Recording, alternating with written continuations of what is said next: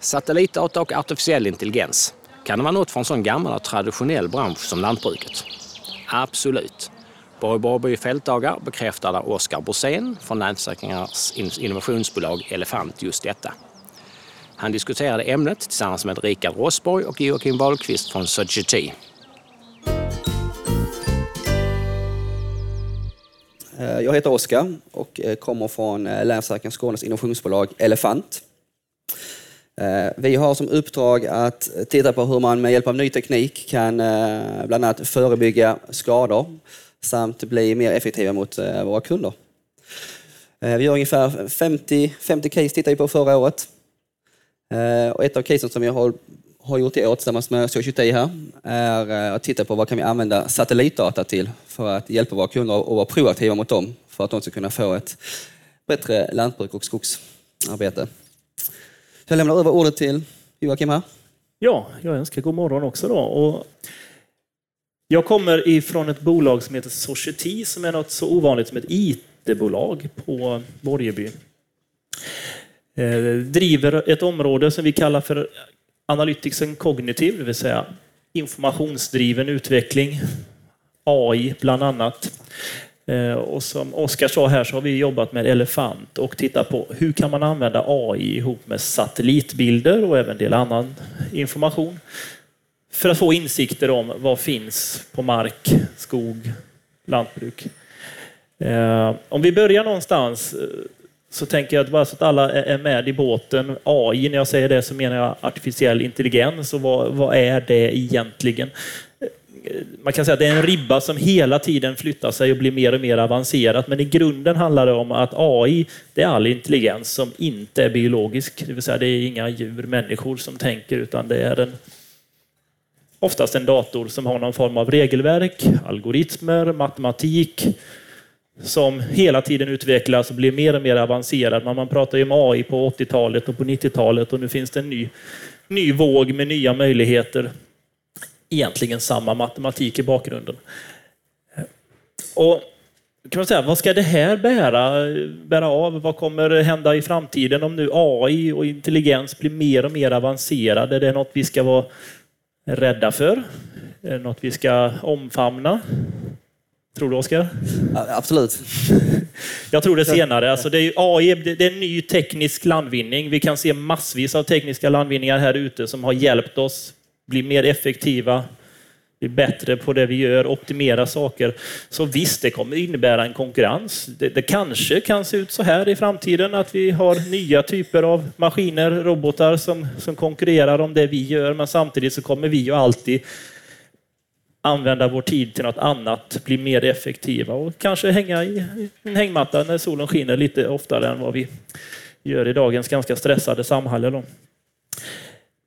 Vad ska vi ha den här tekniken till kan man fråga sig. Och det, där gäller ju att sätta på sig eh, tänkarmössan och eh, dyka ner i verkligheten och se AI ihop med någonting. Och det vi har jobbat med nu då, det är att använda satellitbilder. Och då inte bara vanliga satellitbilder, så visuellt ljus, utan även radar. Och radar mäter ju avstånd, men även kan känna av vatten. Eh, vi har tittat på fler ultraspektrum, heter det. Det är liksom många olika spektrum, bland annat IR, som säger en hel del. Och så har vi då använt data science, alltså matematik, statistik och AI tillsammans med väldigt mycket kunskap om geografisk till exempel hur, hur marken ser ut, hur den lutar, vad du har för olika topologier. Då. För att skapa någonting som vi kallar för Geosatellite Intelligence. Använda satellitbilder och AI och skapa intelligens. Då. Och vad kan man ha det här till? kan man fråga sig då. De olika tillämpningarna. Vi har hållit på i ett och ett halvt år ungefär nu och utforskat kan man säga. Gjort en hel del tester, misslyckats någon gång. Jag ska ta upp ett exempel här, men framförallt är det faktiskt väldigt många saker som visar sig vara fullt möjligt. Eh, ta några exempel här. Monitorera växtlighet, planera, följa framförallt det vi har varit inne på i skoglig växtlighet kunna se, kanske inte enskilda träd, men en, en dunge och bedöma vad är det som växer? Hur växer det?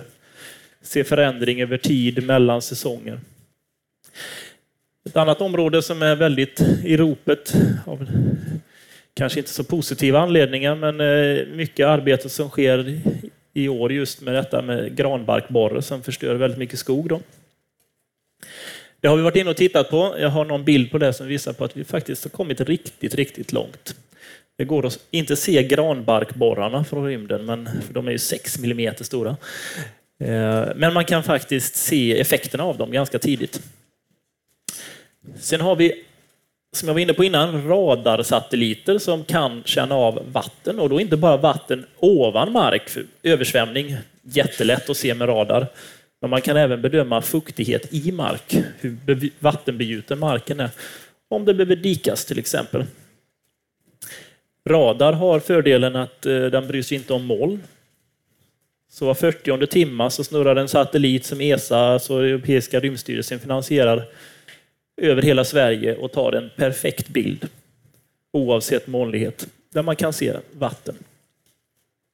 Och givetvis all möjlig storskalig fältinventering, sen om det handlar om, om jordbruk, skogsbruk eller eh, eh, mining, nu kommer jag inte på svenska ordet, bara för gruvindustrin, eh, så kan man ju se förändringar. Och väldigt mycket av det vi gör med satellitbilder är inte att titta på enskild bild, utan vi tittar på förändringen över tid och kan följa och se, ta, ta lärdom och analysera förändringen. Eh, vi har varit inne lite grann på stadens hälsa. Givetvis titta på växtlighet i stad. Hur grön är en stad? Vi ska få se en bild på hur grönt Göteborg är snart. Men det finns också satelliter som känner av vad det är för gaser i atmosfären. Hur mycket smog vi har över våra städer. Då.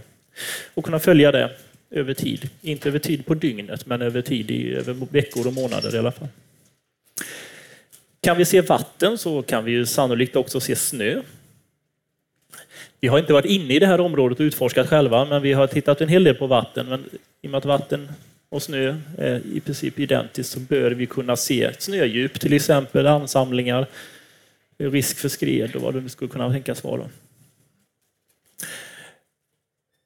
Hur går det här till då? Nu ska jag inte djupdyka ner i tekniken, men bara för på en övergripande nivå, när man jobbar med satellitdata eller data som kommer ifrån någon form av sensor överhuvudtaget, så är det ju en kedja som behöver lösas. Någonstans till vänster där finns det en pryl.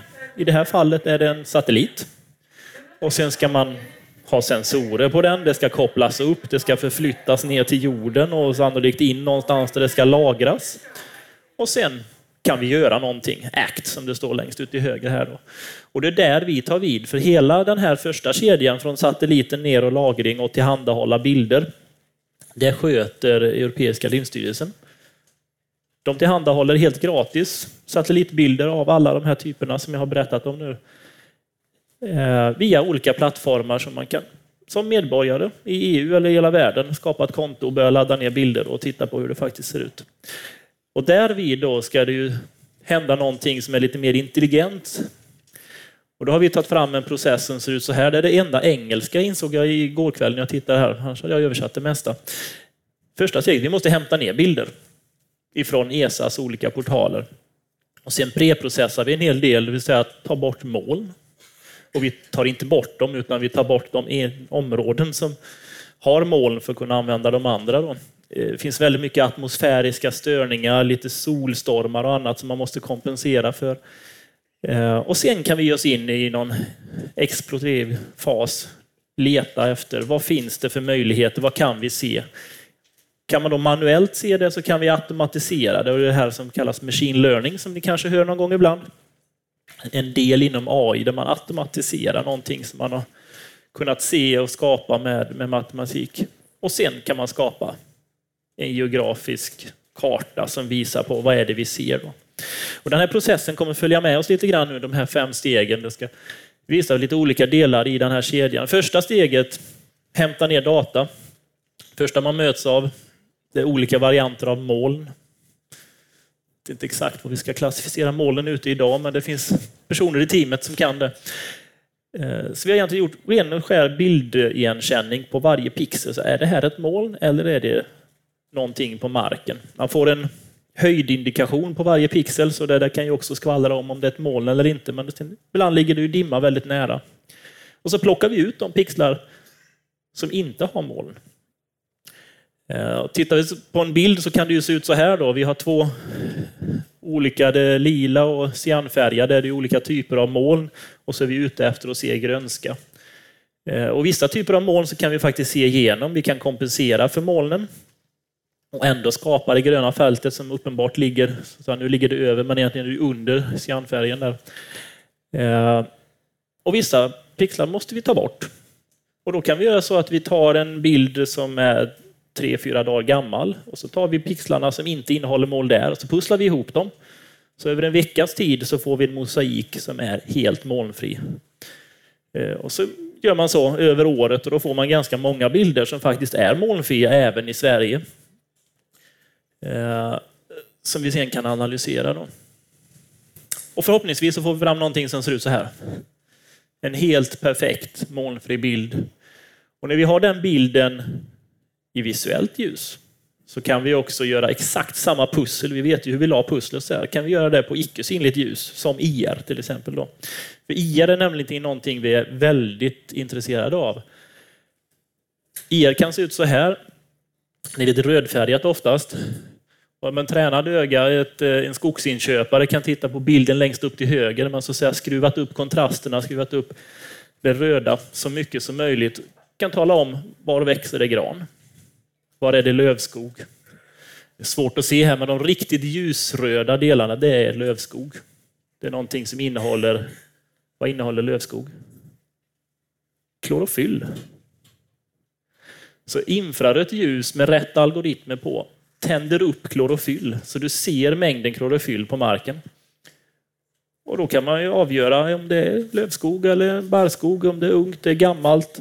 Tittar man över tid så kan man se förändringar, hur, hur så att säga, träden utvecklas under våren till exempel och av det så får man olika information som man kan använda och säga men det här är förmodligen ett sånt här träd, det här är något annat.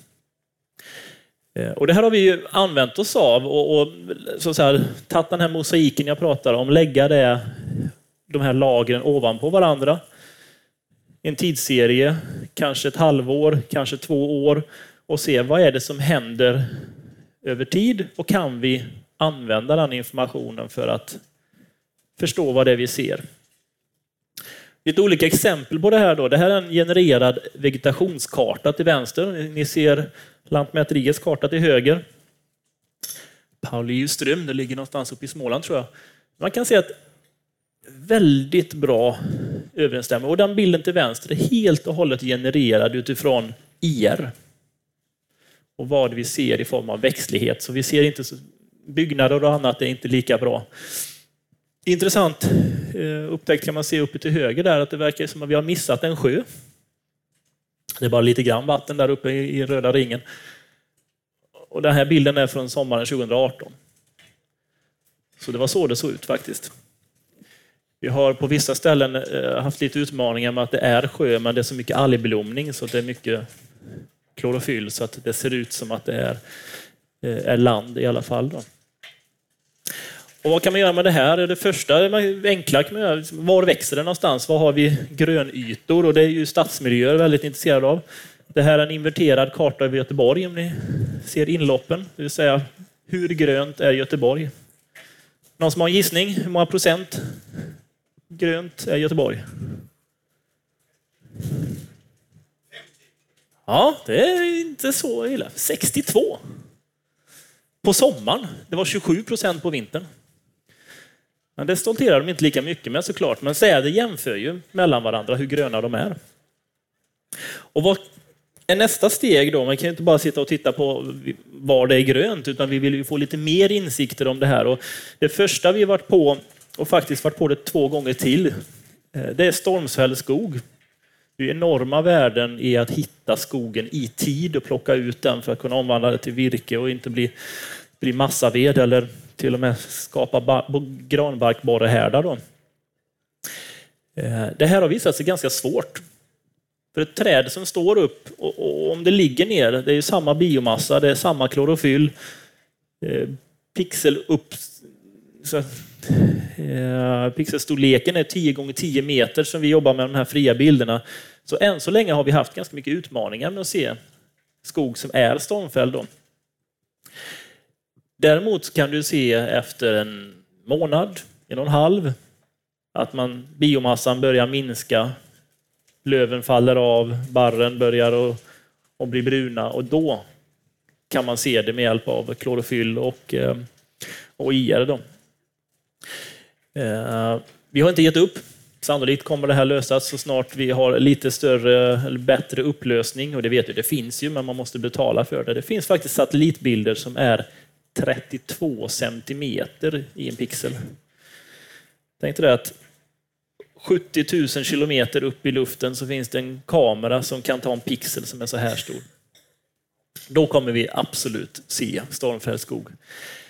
Eh, vad gör vi istället då? Ja, men då letar vi ju efter områden där det skulle kunna bli stormfällning och göra riskbedömningar.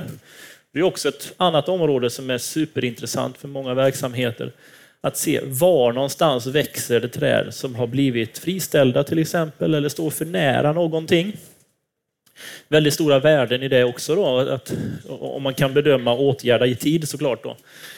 Eh, så man tar den här vegetationskartan igen och tittar på vad växer, var har vi hög, äldre granskog, barrskog, var har vi föryngringsområden, rejuvenation areas som det står här, kalhygge helt enkelt. Eh, var finns det lövskog? Det är den ljusgröna delen här. Ni ser en, ett streck som går igenom bilden. Det är en kraftledning. Så det skvallrar ju om vad det är som vi har varit och tittat på här då.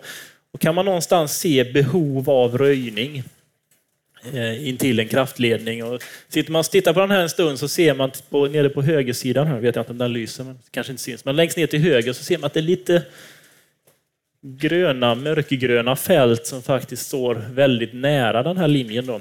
Zoomar man in här så kan man ju dels se det gula området, att det faktiskt växer äldre barrskog precis under eh, kraftledningen, vilket det givetvis inte ska göra. Det måste röjas. Sen har vi de här röda fälten. Och de står friställda och runt omkring så finns det då eh, ett kalhygge som är ganska nytt. Det vill säga att de här träden har blivit kvarlämnade av någon anledning som inte är så, så klok såklart de måste plockas bort för nästa storm när det blåser ifrån, från fel håll, norrifrån, till exempel de två övre fälten här, kommer ju blåsa in i kraftledningen. Och det, här kan man, det här är helt och hållet automatiserat, genererat, de här färgkoderna med hjälp av en AI. Det är ett regelverk som tittar på vad finns det för pixlar runt omkring och hur, varifrån, hur nära står det objektet vi vill skydda. Då. Nästa steg som jag var inne på lite grann, som vi har tittat på en hel del, det är granbarkborre. Små insekter som svärmar och eh, äter upp, äter sig in i träden så att träden dör. Eh, långsamt, det man börjar se det är toppen. Man har en krondöd som det heter. Och sakta så dör trädet när inte vattnet orkar upp. Och Det här kan man se ifrån rymden, för man ser ju det från toppen. Eh, utmaningen är att man ser ju inte träden att de börjar dö, i alla fall inte med blotta ögat, i tid. Utan du måste i princip vara på marken och leta efter granbarkborrar och se de här härdarna. Då. Men använder vi IR, som vi var inne på innan, vi kan använda IR för att se klorofyll. Och då kan man före granen börjar dö, före den börjar bli brun, så ser man minskningen av klorofyll.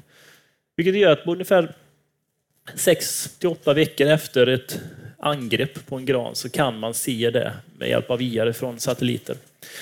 Det kanske inte ska vara en gran, det kanske, då är den väldigt stor om den är 10 gånger 10 meter, men två, tre, fyra granar så ser man det här. Eh, det är någonting vi har eh, tittat på tillsammans med eh, en kund som är Sveaskog, som har ju väldigt mycket skog. Så deras risk här det är ungefär en miljard per år i skador för granbarkborrar. Så det är ganska stora incitament att ge sig på det här. Eh, och man vet ju att det finns utsatta områden, nya hyggeskanter, gamla diken, stormfälld skog till exempel som man vill hitta i tid och plocka ut. Då. Eh, så det går ju att göra riskkartor. och se att här förmodligen skulle det kunna finnas granbarkborrar. Så får man ut och leta. Men har man stora arealer så, så är det ju ogörbart. Eh, vilket då gör att man ifrån satellit kan skanna över extremt stora områden. Då. Det har vi gjort att titta på det här, eh, ja, som ni ser, det är nere i Småland. En karta, varje satellitbild är ungefär den fyrkanten ni ser här och sen är det gula och röda fält. Och gult betyder att här kan det vara. Sannolikt. Vi ser någonting som är en förändring som är negativ i vitalitet i, i, eh, i barrskog. Och sen finns det röda mindre områden där vi i princip är väldigt säkra på att här finns det problem. Skulle det kunna vara så att någon har varit ute och gallrat? För då minskar ju också biomassan ganska radikalt. Det skulle kunna vara en skogsbrand och, och träden dör av den anledningen. Men det är i vart fall väldigt intressant att åka ut och titta och se vad det är för något. Då. Och zoomar man in det här så kan man då lägga en liten polygon som det heter över ett område och säga att här har vi en förändring på ett antal veckor här nu som är negativ och det borde den inte vara. Och så kan vi skriva ner det i en liten databasrad, skicka ut någon med en drönare som tar ett foto och ganska så enkelt kan se att ja, men det här är ju ett det är skogsdöd, det är förmodligen granbarkborre, vi måste skicka ut fällor, plocka ner träden, ta dem ut därifrån. Och då har vi skapat en liten app där man kan göra det. Då. Och det är här drönarna kommer in i bilden, för drönarna kan inte flyga över enorma skogsareal. Det finns inte batterikapacitet för det. Eh, men det går jättebra att åka ut till enskilda punkter och, och ta bilder och titta på vad, vad, vi faktiskt ser där. Då.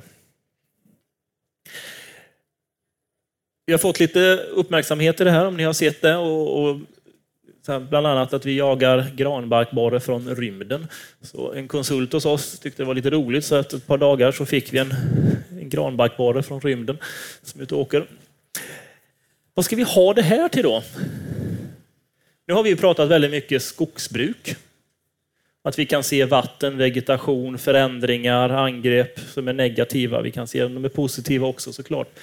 Och då gäller det att börja fundera på men vad är nästa område? Hur skulle satellitbilder och AI kunna användas i lantbruk till exempel? Och som ni sitter här och redan känner till så finns det ju en digital version av lantbruket såklart, där du kopplar upp mer eller mindre allting. Du har sensorer ute i åkern, du har drönare som kan flyga över grödor och se om vi har löss på potatisen.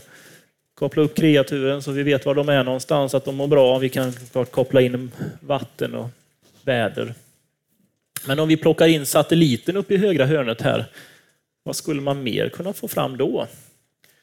Eh, och här vill vi gärna öppna upp för en liten frågestund och en diskussion.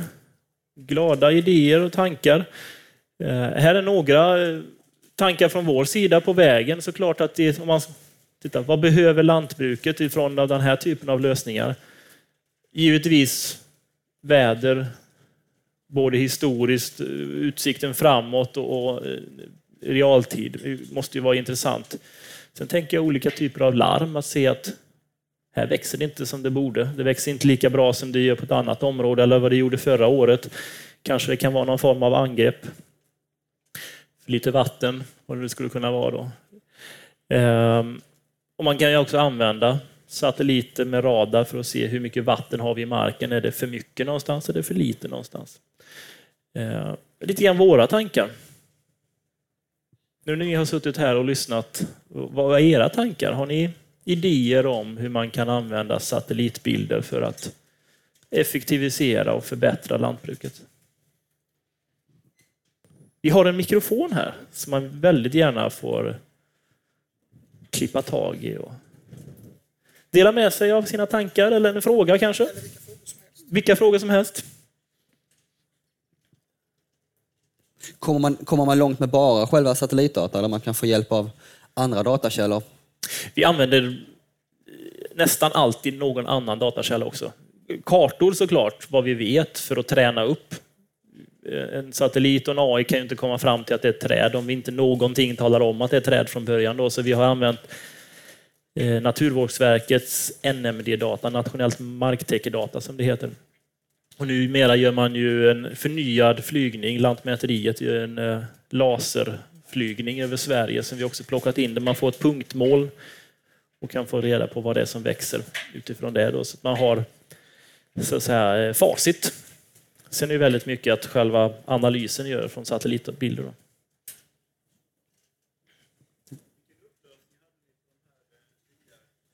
Det är 10 gånger 10 meter på bilden, ska sägas. Eh, sen kan det vara så, det finns lite utmaningar med det där, för att du har en bild som tas, då är den 10 gånger 10 meter. Och sen kommer det ju en ny bild 40 timmar senare. Eh, då kanske satelliten inte riktigt är kalibrerad. Utan det ligger en liten offset på eh, två meter till exempel, eller fem meter. Och det där har vi algoritmer som kompenserar för och försöker göra det bättre och bättre. Men det skulle kunna bli 15 och 20 meters upplösning på grund av att satelliten inte går exakt på samma bana. Då. Ehm, så alla radar, IR, visuellt ljus, allting är 10 meter som är tillgängligt idag. Och är det väldigt tydliga kanter, jag har faktiskt en bild jag kan plocka fram här nu, ska vi se om vi gör det. Övre bilderna här, det är Heden i Göteborg. Ska man fundera på varför fotbollsplanen inte är upptäckt? För det, vi har tänt upp. Till vänstra bilden så ser man vegetation. Liksom visar på var växer det någonstans i Göteborg. Fotbollsplanen är ju konstgräs. Så vi ville kolla att den inte bara tog grönt, utan det, den, den tar klorofyll. Och där kan man se enskilda träd nere till vänster, ser man i en liten allé där man ser i princip varje träd. Och det är ju så att om pixeln är 10 gånger 10 meter är det väldigt intensivt. Är det ett lövträd som står där på 5 gånger 7 meter, då syns det ändå. Vi kan ju inte se objektet, men vi ser liksom informationen som finns där, så är det väldigt intensivt så syns det. Är det mer en gradvis skillnad som vi ser Magnus Jutterström här, vår expert inom GIS, som står i en hyggeskant där det växer upp mer och mer sly. Och så ser vi motsvarande bild till vänster där. Då kanske upplösningen blir 50 meter ungefär. Man ser liksom pixel för pixel ifrån hygge upp till eh, högre skog. Då.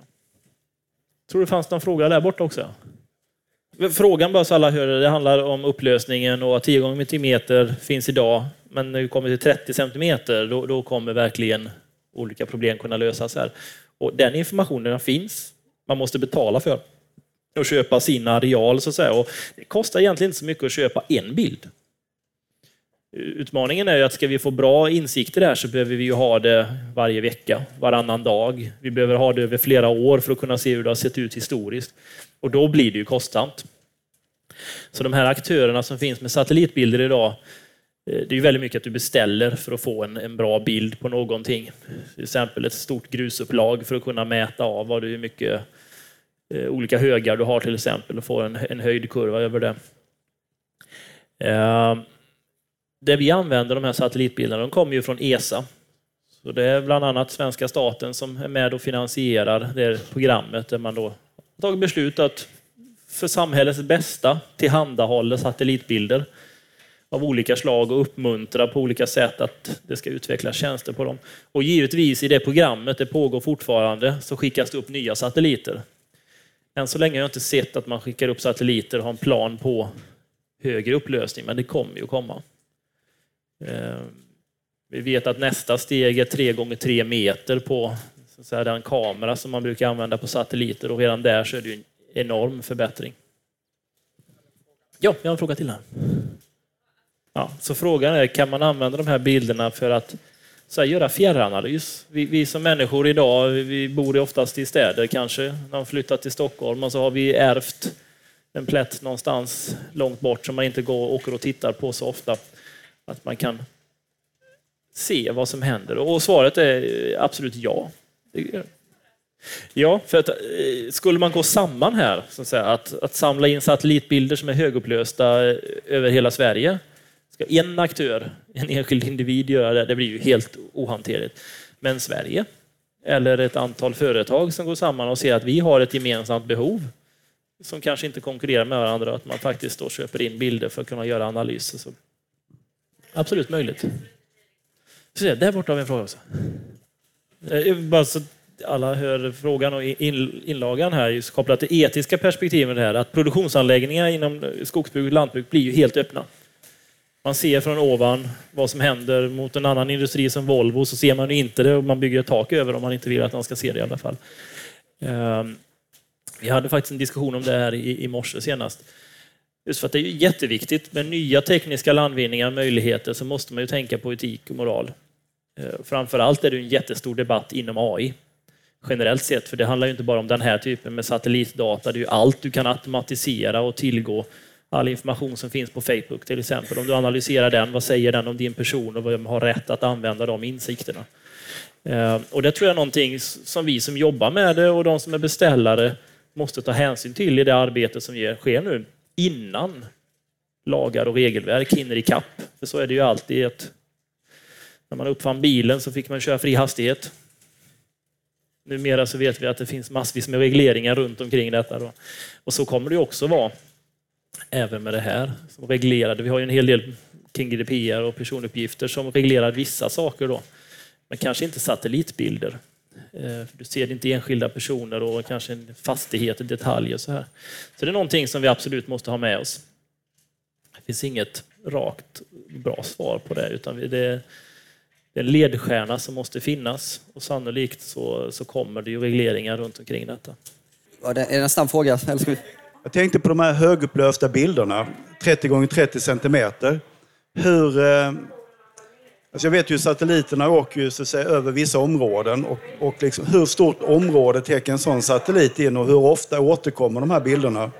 Är det, vad är frekvensen så att säga, med tanke på kostnader och så vidare? Ja, de högupplösta, riktigt högupplösta ner på 32, då, de eh, beställer man. Och då finns det små jetmotorer på satelliterna som skickar den i en bana som går över ditt område som du har beställt. Ehm, så de återkommer inte med automatik så att säga. Eh, de här bilderna som vi jobbar med, de är, tar 10 gånger 10 mil i, eh, i omfång. Då. Och återkommer var 40 timme. Sen är det ju frågan om det finns moln eller inte som gör att de visuella ljusen då, eh, kan användas. Har du exempel på kostnader för de bilderna? De är faktiskt storleksordningen samma som att flyga med helikopter.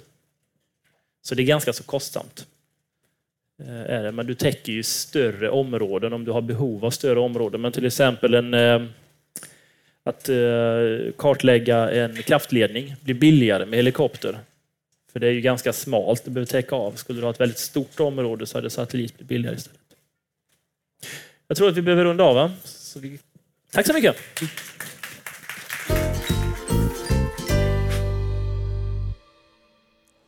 Vill du veta mer om hur ny teknik kan användas i lantbruket ska du lyssna på vår podd med detta temat. Det hittar du på vår hemsida lansförsakringar.se skane mitt lantbruk. Lyssna också på våra andra poddar från Borgby. Vi var med på plats vid pre-eventet och arrangerade även ytterligare tre panelsamtal om stölder, solceller och hållbar odling.